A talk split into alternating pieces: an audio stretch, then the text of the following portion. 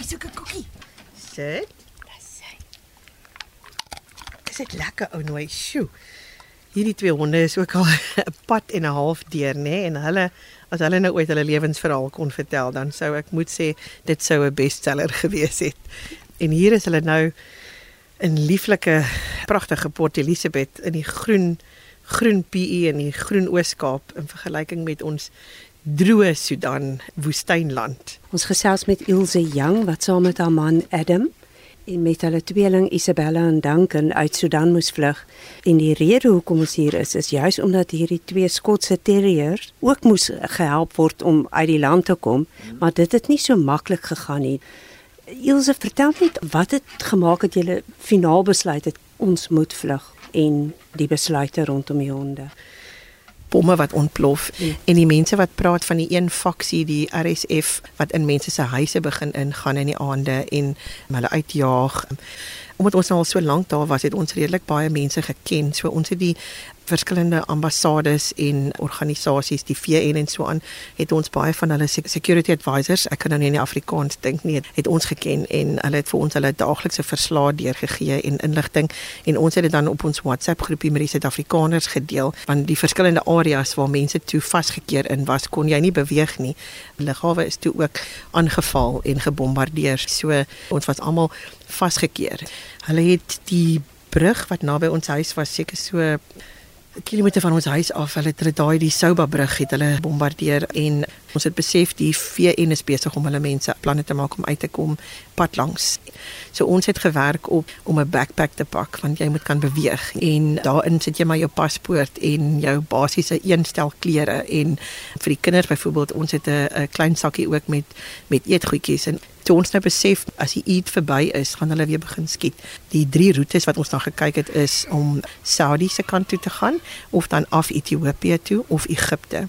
En die inligting wat ons gehad het op daai stadium was toe in Egipte is die beste. Die ander ding wat ons ook getref het was die busse se pryse het ewe skielik die hoogte ingeskiet om 'n bus te huur om tot op die grens te kom het toe geskiet van 1000 dollar vir die bus na 6000 dollar. Die oggend wat ons ehm um, weg is en die bus moes betaal was dit 20000 dollar vir een bus.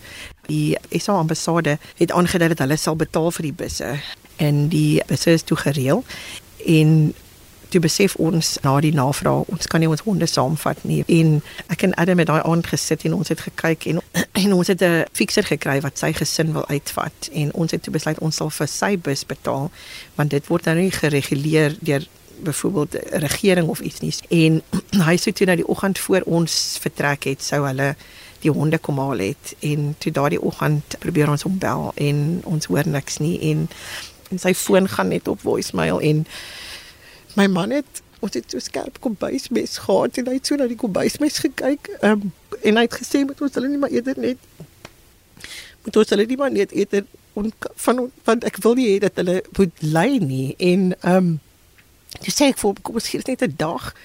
Ons sit hulle toe in die huis met 'n pak hondekos en ek het die sak hondekos so oopgeskeur en oral waterbakke gesit want ons moes toe gaan want die bus kan nie teen 'n sekere tyd ry. En as jy nie teen daai tyd weg is nie, dan is jy in die oorlogsone. Hallo Ayla. Ayla, het jy agtergekom jy moes nou baie gestres hoor jy. Maar hier is jy nou. Okay. Okay. Adam het um, een van sy ingenieurs wat naby ons gebly het. Hy het toe die honde gaan haal vir ons. Op die ou einde toe ons busse nou weg is, toe is daar nog Suid-Afrikaners agtergebly. En Dr. Suleiman, Ayla, Dokter Suleman het toe nog 'n bus gereël vir die volgende dag en ek het hom toe gevra kan die honde op sy bus kom en dit is toe op die grens gekom het met daai bus en twee Suid-Afrikaners wat gehelp het op daai stadium. Ayla kom. Ja, weet jy praat oor hulle. Ayla kom. Hallo Sissie.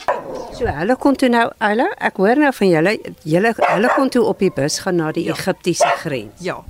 Dit was die laaste groep Suid-Afrikaners en toe hulle op die grens gekom het. Okay, wag. Hallo. Hallo. Kom. Kom kom kom kom. Ons gesels met Ilse Young wat 8, 9 maande gelede saam met haar gesin, haar man Adam, die tweeling en hulle honde uit Sudan moes vlug toe daar oorlog uitgebreek het tussen die plaaslike weermag en 'n ondersteuningsmag en hulle in die gemaal beland het. Ja, ons wat gepraat van die grens.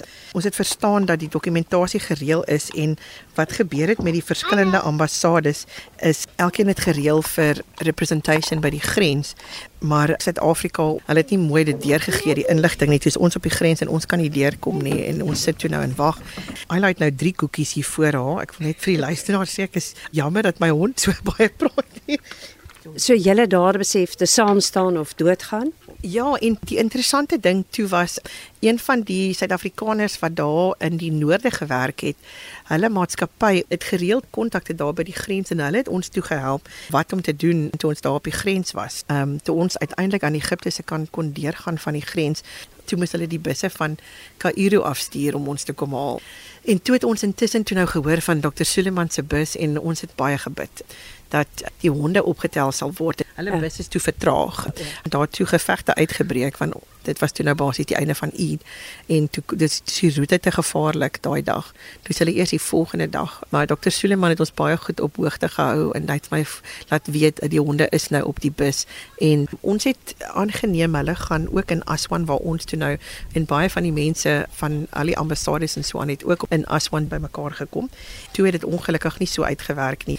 Hulle is toe nou aan die Sudan kant van die grens agtergebly. En dit was so ongelooflike storie as ek nou terugdink ek moet hier 'n bietjie van 'n 'n shout-out gee vir Erika Gibson van sy's ook 'n vryskut joernalis van die rapport daai tyd het sy my uh, gekontak en sy het 'n persoon geken wat voorheen vir die VN gewerk het en hy het 'n fikser geken wat 'n wag geken het by die grens en hulle het vir ons toe proof of life van die honde gestuur. En ja toe daai fikser het 'n veearts geken en die veearts is en ons het toe vir 'n taxi sê ek nou maar sê betaal om terug te gaan na die grens toe En toe die veearts het saam met Adam ingegaan want ons weet toe nou nie gaan Adam kan terugkom oor die Sudanese grens. En die veearts het toe uiteindelik daar uitkom was dit soos in 20 minute. Want hy sê toe nee um, hy moet nou basies net sertifiseer. Hulle is in goeie kondisie. En hy kyk toe so die honde en hy sê they look great to me.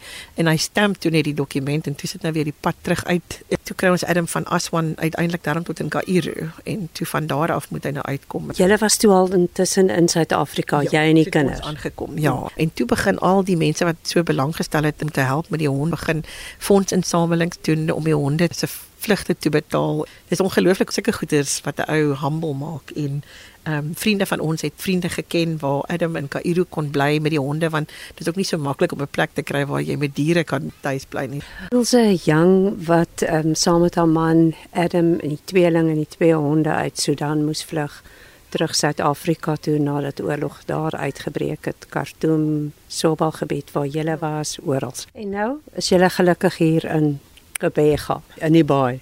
Dit was maar bietjie moeilik toe ons teruggekom het. Die eerste maand of so was sal ek nou maar sê survival om net bietjie te hergroepeer en die kinders ingesettel te kry en ons het vir hulle berading gekry. Dit is nou 8, 9 maande na die tyd en oujaars onder ons besluit ons wil net 'n rustige aandjie by die huis hê. So En toe ek en Adam middernag het ons net 'n glasie wyntjie gesit en drink en toe ewe skielik toe begin die vuurwerke af te gaan en toe raak ons kinders wakker en hulle gil en Arme en Jala is baie getraumatiseerd geweest en ek het nie daai konnotasie gemaak van 'n vuurwerk en 'n bom wat baie klink soos dieselfde ding nie en ehm um, gelukkig kon ons die kinders toe weer aan die slaap kry die hele week het hulle gevra is die voordeur gesluit is die venster toe en ons het gepraat van die Here wat ons beskerm en pappa pappa beskerm ons en ons is veilig in ons huisie. Ayala en Ayla elke oggend gaan stap ons by die see. Ons gaan stap in die woud en al sulke goeders wat ons by in Khartoum het ons maar in die sand gestap.